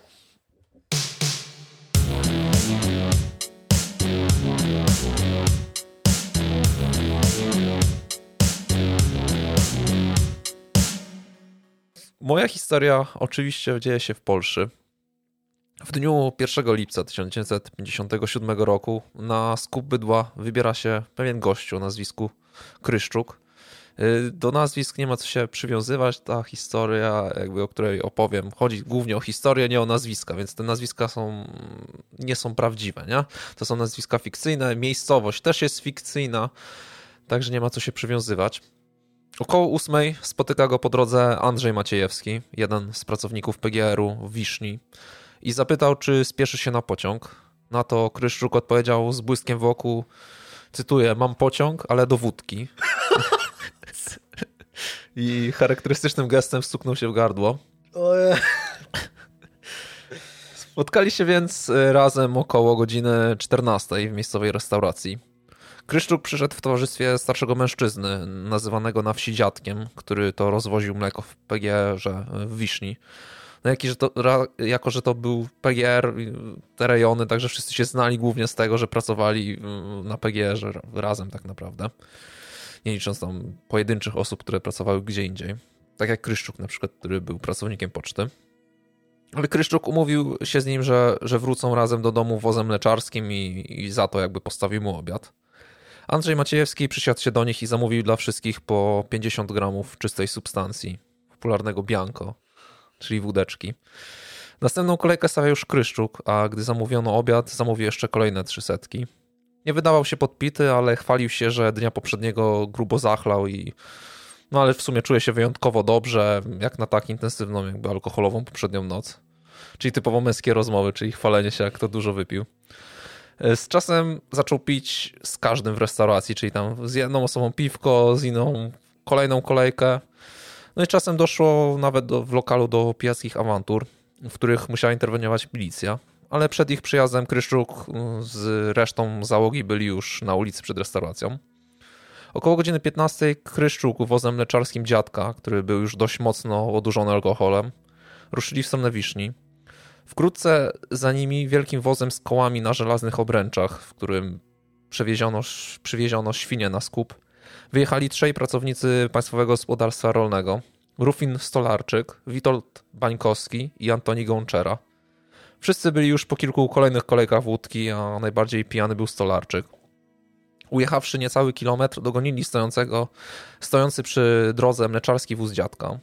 Kryszczuk zatrzymał ich i przesiadł się do nich, mimo że Stolarczyk próbował go z niego jakby zrzucić, e, krzycząc, że ma wracać do dziadka potem zaczął mu dogadywać, że, że żeruje na PGR-ze i nie ma z niego więcej, i ma z niego, z tego PGR-u więcej korzyści niż oni. Otrzymuje konie na obróbkę pola i sianko, może lubi sianko, trzyma dwie krowy, poza tym on ma, znaczy on ma trzy krowy, a oni mają tylko jedną, więc to jakby duża zawiść z nich była, biła, no wiesz, sąsiad, sąsiad złodziej, nie? E, z czasem tak wybuchł, że złapał go za marynarkę i zaczęli się bić. Podrapali sobie twarze, obu poleciała krew z nosa. Także można sobie wyobrazić, jak to musiało wyglądać. No każdy kiedyś oglądał jakąś walkę żuli, nie? Ona jest spektakularna, tylko jak ją wiesz, jak ją nagrasz od tyłu i z odpowiednim podkładem muzycznym. W innym przypadku to jest. No tak. No, wiemy, jak wyglądają walki żuli. No, każdy, każdy kiedyś widział. To jest takie doświadczenie, że, że każdy Raczej Każdego tak. to natknęło, nie? Każdy gdzieś tam zobaczył, jak nie na żywo, to gdzieś pewnie w internecie. Kryszczuk y, w końcu, Kryszczuka w końcu zmuszono do zejścia z wozu, y, a wręcz siłowo go zrzucono. Nie dość, y, jedność z tym, że został jakby zrzucony, to Stolarczyk zeskoczył za nim i byli się, bili się dalej na łące, gdzie ich wreszcie rozdzielono. Kryszczuk potem udał się pieszo przez pole do domu. Pracownicy PGR-u odjechali wozem. I taki miał być przebieg zdarzenia według Mańkowskiego i Łączery. Sam Kryszczuk nie do końca pamiętał, co się wydarzyło. Jednak uparcie utrzymywał, że nie pamięta swoich czynów i co zrobił po pobiciu go. Anastazja Hurkówna, pomocnica kasjera w urzędzie pocztowym Wiszni, a więc podwładna Kryszczuka, zeznała, że 29 czerwca Kryszczuk powiedział jej, że w poniedziałek, to jest 1 lipca, pojedzie do urzędu pocztowego w miasteczku, dowiedzieć się w jaki sposób należy prowadzić rachunki i zdać makulaturę. Gdy w poniedziałek przyszła do pracy, szefa nie było. O 10 zatelefonował tylko, aby poinformować jego żonę, że około 13 będzie w domu. O 16.30 zamknęła urząd i klucze oddała Kryszczukowej i pojechała rowerem do domu. Na korytarzu zobaczyła przełożonego. Stał oparty plecami o ścianę. Cały był zakrwawiony na twarzy, na rękach, na ubraniu. Był podrapany, posiniaczony na twarzy, na szyi, na piersiach, bo koszulę już jak to po dobrej bitce i po dobrym spożywaniu alkoholu miał rozpiętą. Oczy, wargi, nos miał dosyć mocno zapuchnięte. Po pytaniu, co się stało, zamiast odpowiedzieć zgodnie z zasadą ulicznych walk, byś musiał zobaczyć tego drugiego, to nie, on akurat podszedł do tego w inny sposób, bo po prostu zaczął płakać. Płakał jak dziecko, a po chwili się odezwał mówiąc nie masz pojęcia jak mnie mordowano. Na pytanie kto go mordował, szybko zamienił się w przysłowiową konfiturę i wymienił całą trójkę z wozu. z imienia i nazwiska. Ciągle przy tym płacząc, że, że jeszcze nie widział w życiu, aby tak mocno znęcano się nad człowiekiem. Bili go podobno samymi gołymi rękami. Mm, on wtedy wyszedł z założenia, jakby, że mały nie pęka, mały jest kozak, mały mu dołoży. Wyszło jednak zupełnie inaczej, bo w dalszym ciągu mówił, i tu cytuję, jednemu dałem radę, dwóm też podołałem, ale trzem nie podołałem. Jeden złapał za głowę, drugi wlazł na pierś, a trzeci trzymał za nogi. Ogromnie się nade mną znęcali. Prosiłem się u nich, ludzie, nie mordujcie mnie, ja mam żonę i dzieci. Ale to nic nie pomogło i dalej mnie mordowali. Kryszczuk usiadł na ławce, gdy podjechał wozem Nosak, znajomy, który przyprowadził konie i zaczął zaprzęgać je do wozu, żeby odwieźć Kryszczuka do domu. Ten zachowywał się w miarę normalnie, naturalnie i, i spokojnie. Wsiadł w końcu na wóz i odjechali drogą do Wiszni. Za nimi ruszyła też Churkówna, która pod samą Wiśnią wyminęła wóz i, i pierwsza przyjechała do mieszkania. To mnie bawi, że, że, że jechał wóz, a babka sobie wsiadła na rower, taki ojciec Mateusz typowy, nie? I, go, i ich wyprzedziła przed, samym, przed, przed, samą, przed samą metą. Zawołała żonę, yy, mówiąc o tym, co zaszło. Wyszły razem na podwórko, gdy Kryszczuk, będąc około 10 metrów od urzędu, energicznie zeskoczył z wozu i następnie skierował się prosto do mieszkania, nie zatrzymując się nawet przy żonie czy córce. Żona skorzystała z tego, z tego wachlarza zdań, czy kobieta powinna wtedy użyć, jakby i żona, nie? Czyli jak ty wyglądasz, coś takiego, nie? W takim stylu. Na co mąż odpowiedział tylko, no tak bywa i no i odszedł dalej do mieszkania. Gdy wchodził do mieszkania, miał już być innym człowiekiem niż na korytarzu. Był energiczny, a w oczach, w oczach miał mieć jakieś złe błyski. Bolesław Nosak, który przywiózł poległego w walce, powiedział, że w czasie drogi miał on się skarżyć na Rufina Stolarczyka i jego ziomków, że go pobili do utraty przytomności i wyrzucili gdzieś w rowie pod lasem. Jak długo tam leżał, nie wiedział, może godzinę, może pięć. A gdy odzyskał przytomność, stał i powlókł się przez żyto i las, aż doszedł na podwórze Nosaka. Gdy tylko Churkówna w trakcie powrotu ich wyprzedziła, spojrzał tylko na nią i rzekł do mężczyzny. Panie Nosak, podjeżdżam tylko do domu, zachodzę, biorę spluwę do ręki i robię samosąd. I wyrok w jednej osobie. Ja. Pomimo prób jakby uspokojenia towarzysza podróży, ten tylko odpowiedział: Ja byłem zabity i na to wstałem, żeby robić sprawiedliwość. Punisher. tak. Tegierowski tak. Punisher. Dokładnie. Jakby, wiesz, ten Nosak go cały czas próbuje jakby tam uspokoić. No to dziwna sytuacja trochę pewnie też, też dla niego, nie? Że ten tak dosyć, dosyć grubo podchodzi do tematu. To na, na próbę jakby uspokojenia sytuacji z uwagi na, na trójkę dzieci odpowiedział tylko, że jego dzieci są już sierotami. Bo on po to wstał, żeby wykonać wyrok, no i po czym z tego wozu jakby wstał szybko, energicznie wyskoczył i udał się do mieszkania. Odchodząc powiedział jeszcze, że to pobicie było z namowy korzydły. Po jakichś pięciu minutach od wejścia do mieszkania Kryszczuka do środka weszła też chórkówna, która zastała go siedzącego za swoim biurkiem na krześle. Obok niego stała żona. Z drugiej strony stała córka, obie były przestraszone i zapłakane. Gdy tylko ta chciała zadzwonić po służby, mężczyzna odpowiedział, że po pogotowie zadzwonimy potem. Najpierw do komendy powiatowej MO i do naczelnika powiatowego urzędu pocztowego. Gdy podwładna dzwoniła na milicję, Kryszczuk siedział tylko z boku, podając imiona i nazwiska osób, które go pobiły. Gdy z pomieszczeń za namową głowy rodziny wyszła rodzina, ten wyciągnął z biurka pistolet, załadował go, wyjął z kabury zapasowy magazynek i włożył do kieszeni płaszcza. Wstał i na odchodne rzekł tylko: Idę się rozprawić. Wychodząc z mieszkania, przyuważyła go żona i próbując go zatrzym- próbowała go zatrzymać. Mąż na to tylko wyjął z kieszeni pistolet i celując w nią zagroził. Jak będziesz biegała za mną, to zastrzelę. Wracaj i chowaj dzieci. Żegnaj, bo ja już nie wrócę. Pracownik PGR-u o nazwisku Mruk, który był świadkiem tej sceny, zeznał, że Kryszczuk był silnie poddenerwowany, był zmieniony na twarzy, a z oczu sypały mu się i tu błyskawice gniewu. Dzień gniewu. Poza tym wargi miał mieć silnie spieczone jak u pijaka, a na lewym policzku koło ucha miał zadrapanie, które krwawiło. Niewstrzymywany przez nikogo po incydencie z żoną mężczyzna poszedł w kierunku szkoły. Po wyjściu Kryszczuka do okienka mieszkania zapukał dwóch mężczyzn, prosząc, prosząc, aby ich wpuścić do środka, bo chcieli telefonować do mi, na milicję, żeby zameldować, że Rufin Stolarczyk gonił Franciszka Grocha i chciał go pobić. Na to wszystko przybiegł też Franciszek Groch i osobiście połączył się z postronkiem MO i zameldował, że, i tu cytuję, Stolarczyk Rufin nie daje jemu przejść, jest pijany i goni go z cegłą po podwórku. Na to wszystko, żeby tak totalnie jakby zamieszać w głowie dyżurnemu, który już musiał mieć niezłą sieczkę w mózgu, co po tym, co się dzieje. Przybiegła żona Kryszczuka, która wyrwała jakby słuchawkę i zaczęła opowiadać, jak to jej mąż zabrał pistolet pobiegł na wieś i nie wiadomo w sumie w jakiej sprawie. A sam ten rewolwerowiec, jak można nazwać, yy, wyszedłszy z domu, poszedł drogą przez wieś w kierunku budynku szkolnego. Na podwórzu przed szkołą stała nauczycielka, Małgorzata Korzydłowa, trzymając na rękach swoją 11-miesięczną córeczkę Izabelę i rozmawiała ze swoją siostrą Marią Kozłowską. Niespodziewanie na, podwórze, na podwórze zachodził Kryszczuk i krzyczy: Zabije Małgorzatę Korzydłową. Ta przestraszona wbiega do budynku szkolnego na schody, prowadzące do mieszkania nauczycielki Janiny Przybołowicz. Napastnik strzela za nią i zaczyna biec w jej kierunku.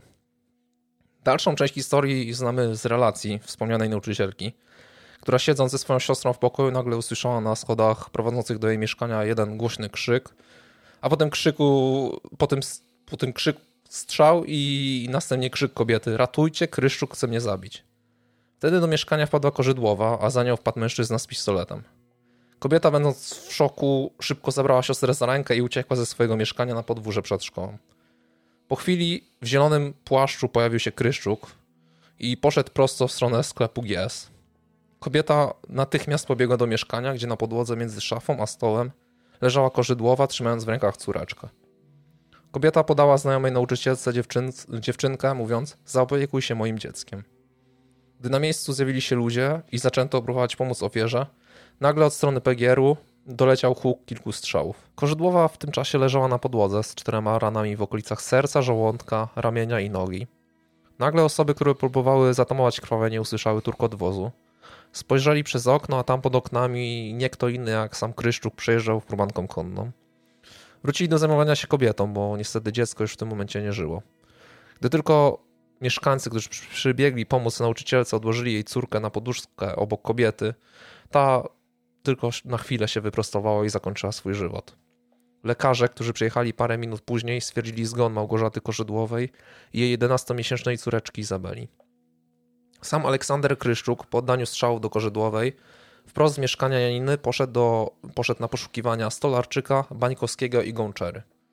Najpierw szukał ich w gospodzie, w mieszkaniach Stolarczyka i Gączery, ale nigdzie ich nie było.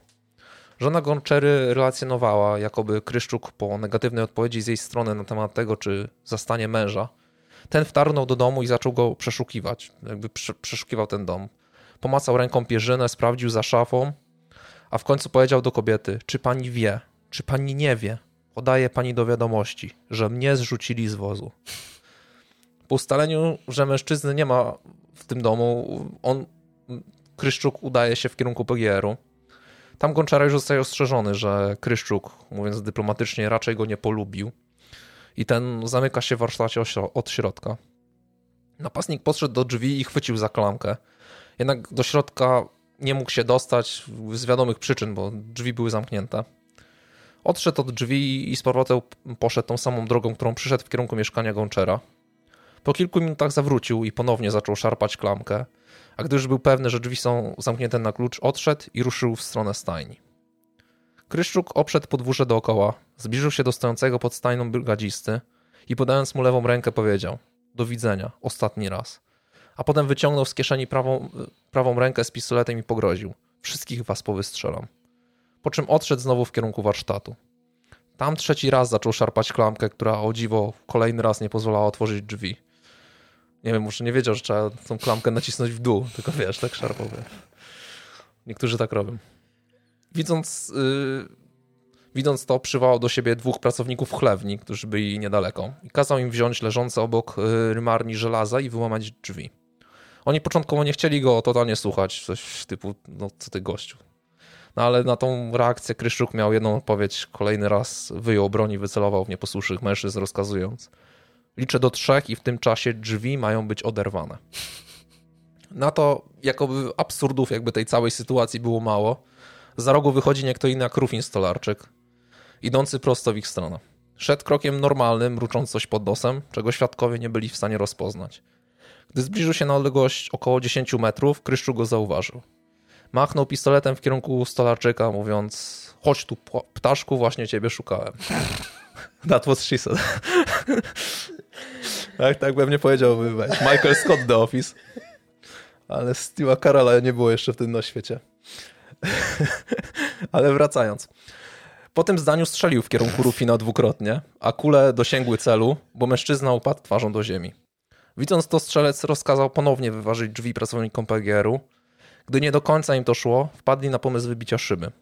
Wtem stolarczyk zaczyna się czołgać i coś mówi. Na to Kryszczuk krzyczy: Ty jeszcze żyjesz? Ty jeszcze żyjesz? I podbiegł do leżącego mężczyzny, przystawił pistolet do głowy i pociągnął za spust. Pistolet dwa razy nie wypalił i dopiero za trzecim przeładowaniem wystrzelił. Wtedy triumfalnie Kryszczuk krzyknął: Teraz będziesz miał już dosyć. W końcu udaje się dostać do, do warsztatu, jednak nikogo w środku nie znaleziono. Nie było to trudno, bo nie było też ciężko się wydostać z, y, z, tego warsztatu, gdyż jedno z dużych okien wychodziło bezpośrednio z drugiej strony budynku, więc Gonczery już tam dawno po prostu nie było.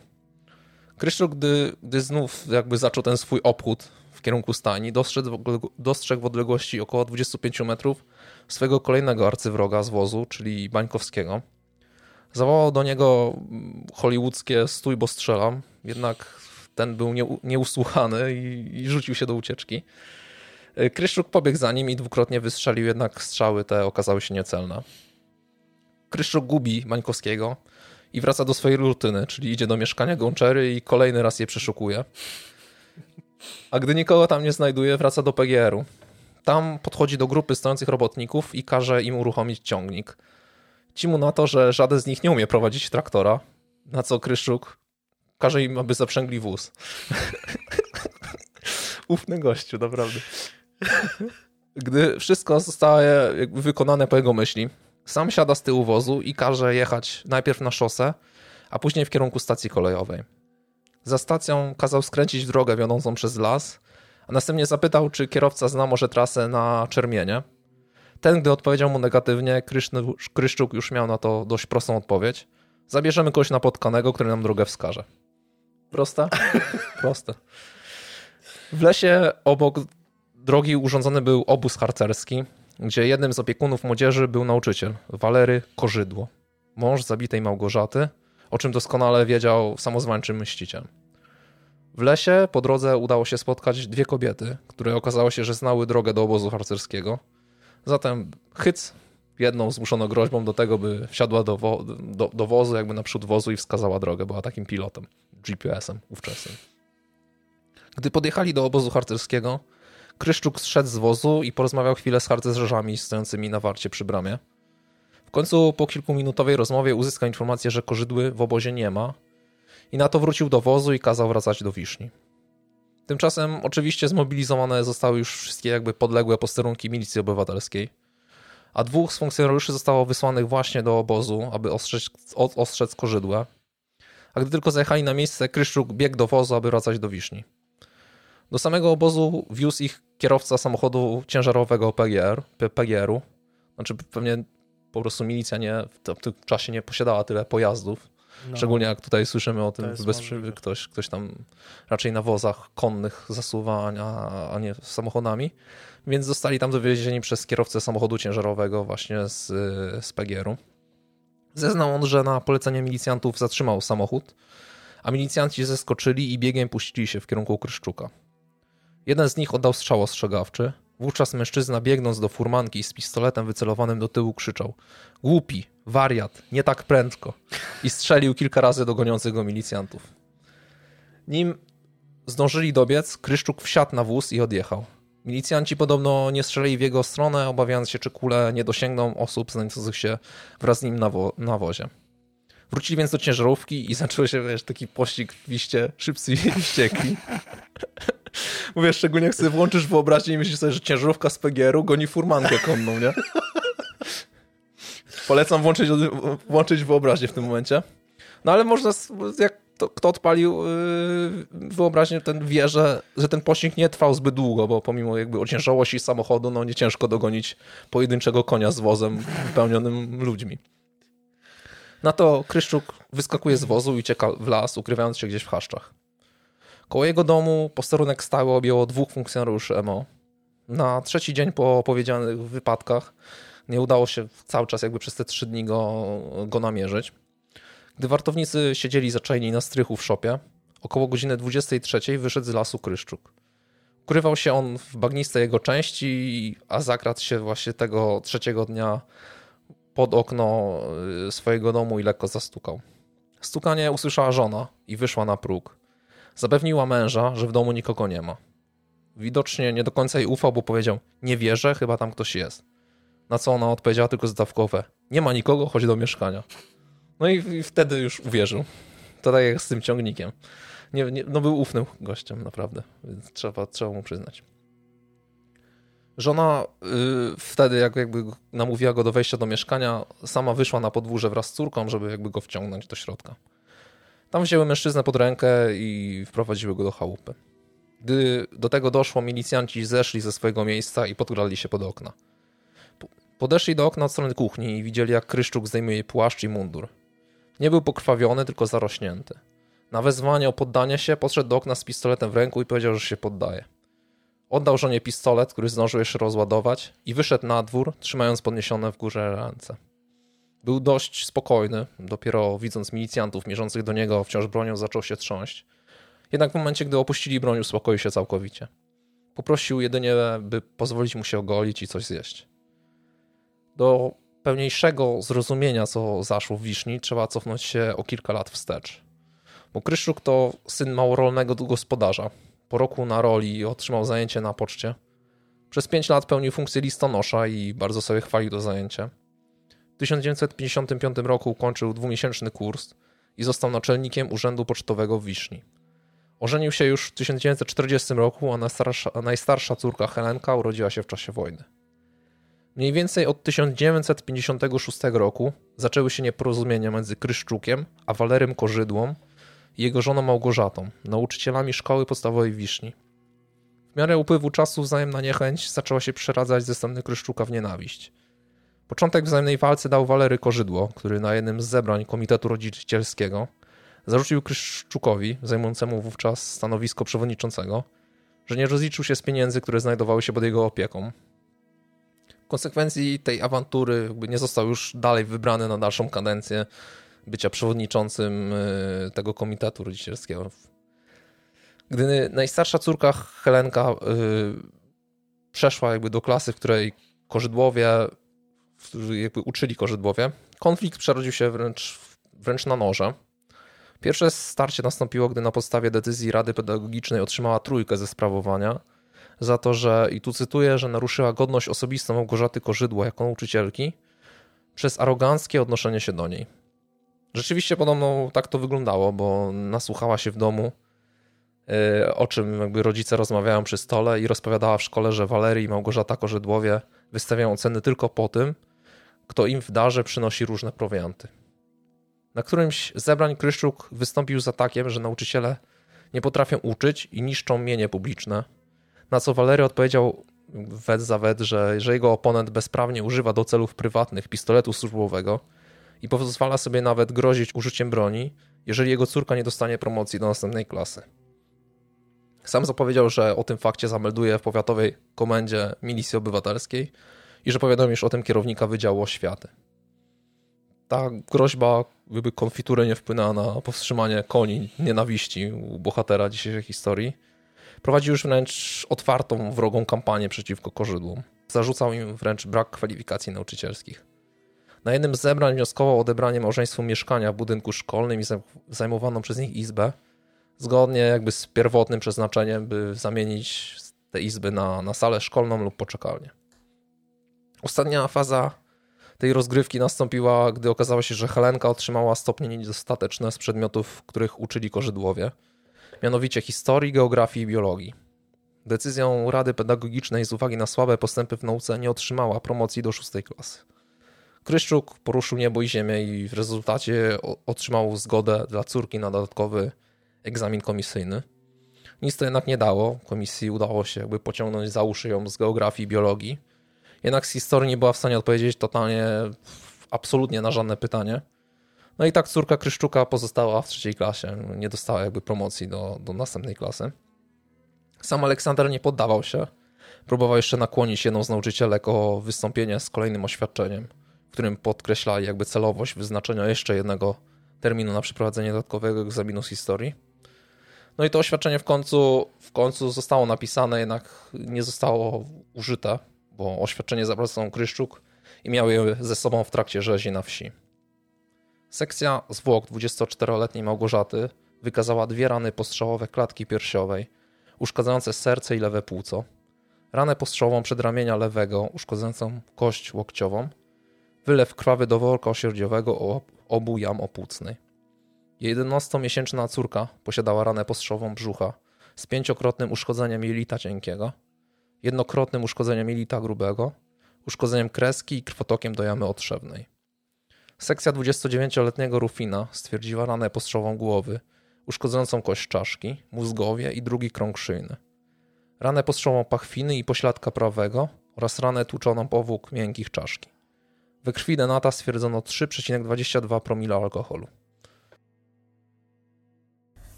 I jako, że w tym momencie mm, pojawił się jakiś problem z nagraniem, to dokończę tylko. E, Aleksandra Kryszczuka po kilkuletnich rozprawach, niejednoznacznych badaniach psychiatrycznych w końcu uznano za poczytalnego i winnego, skazując na dożywotnie więzienie z utratą praw publicznych i obywatelskich praw honorowych na zawsze.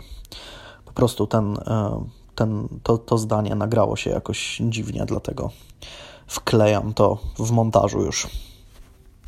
No, yy, zacna historia, naprawdę.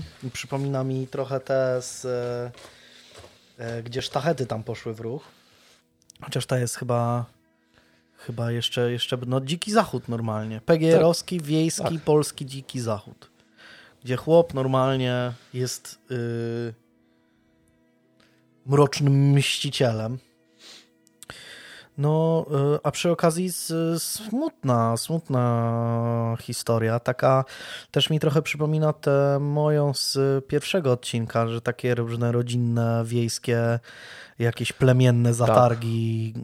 grają, jakieś nawet pokoleniowe jakieś e, zatargi grają ogromne, ogromne role i są sprawami życia i śmierci. No co, no, no, no smutno. Jestem, jestem... No tak, to jest z tymi naszymi historiami kryminalnymi, że one są smutne, no. Wszystkie są smutne. często są smutne. O 35 tak. odcinków będę się przyzwyczaić. No tak, tak, tak. No widzisz, jakoś nie mogę zawsze. Zawsze te łzy same, same się cisną do oczu. Próbowałeś, nie wiem, googlować, co to, gdzie, gdzie to było? Często tak samo, Znaczy tych, tych, szta, znaczy- tak samo tych sztachet nie byliśmy w stanie... szu- Szukałem, o Jezus Maria, ile szukałem czasu, No. ale to są właśnie takie historie, w których chyba to jest nawet lepiej, że zostało... Jeżeli to by była taka popularna historia, to by mnie łatwo było znaleźć, y, kto to zrobił, gdzie to było, a przez No, to, może że... gdzieś tam jakaś wzmianka się pojawiła tylko w jakichś lokalnych gazetach Lokalnej, i no. wszystko, nie? No w PRL-u tak nie roztrząsano. Totalnie, nie? E, Nie roztrząsano. No chyba, że coś było totalnie głośno, tak jak sprawa Kota czy, czy Arnolda, no to tak, Mm. ale, ale tak to nie, roz, nie roztrząsano tego typu e, tego typu rzeczy. Tego typu. A szkoda, bo wszystko wskazuje na to, że, że sporo się w tym PRL-u działo. Nie, to jest I- tak historia typowo, wiesz, scenariusz filmowy już wręcz, No, nie? i, i, I ludzie ludzie byli dość tacy... mm, Krewcy. Krewcy, tak. E, dobra, no to w, w takim razie w, e, źródła do tego odcinka znajdziecie oczywiście w opisie na, na YouTubie i W e, w poście na, na Facebooku. E, zdjęcia, nie wiem, pewnie, pewnie nie, ma, nie, ma, nie ma żadnych w Twoim wypadku. W moim wypadku trochę, trochę ich jest, e, to też je wrzucę mm, na, na Facebooka, na nasz fanpage. E, No i oczywiście za, zapraszamy do, do dyskusji e, na, na ten temat. Zapraszamy do naszej e, grupy na Facebooku, zapraszamy na naszego Instagrama i Twittera, bo tam też są rzeczy, e, które, które można śledzić i być na bieżąco. E, Jeśli chodzi o zbliżającą się orkiestrę świątecznej pomocy, to też coś e, szykujemy. Mm, ale o tym dopiero, dopiero będzie. Po- Pojawią się jakieś tam informacje na naszym e, fanpage'u, na naszych mediach społecznościowych na pewno, więc śledźcie je. No i to wszystko. Do zobaczenia, do usłyszenia. Cześć. Cześć.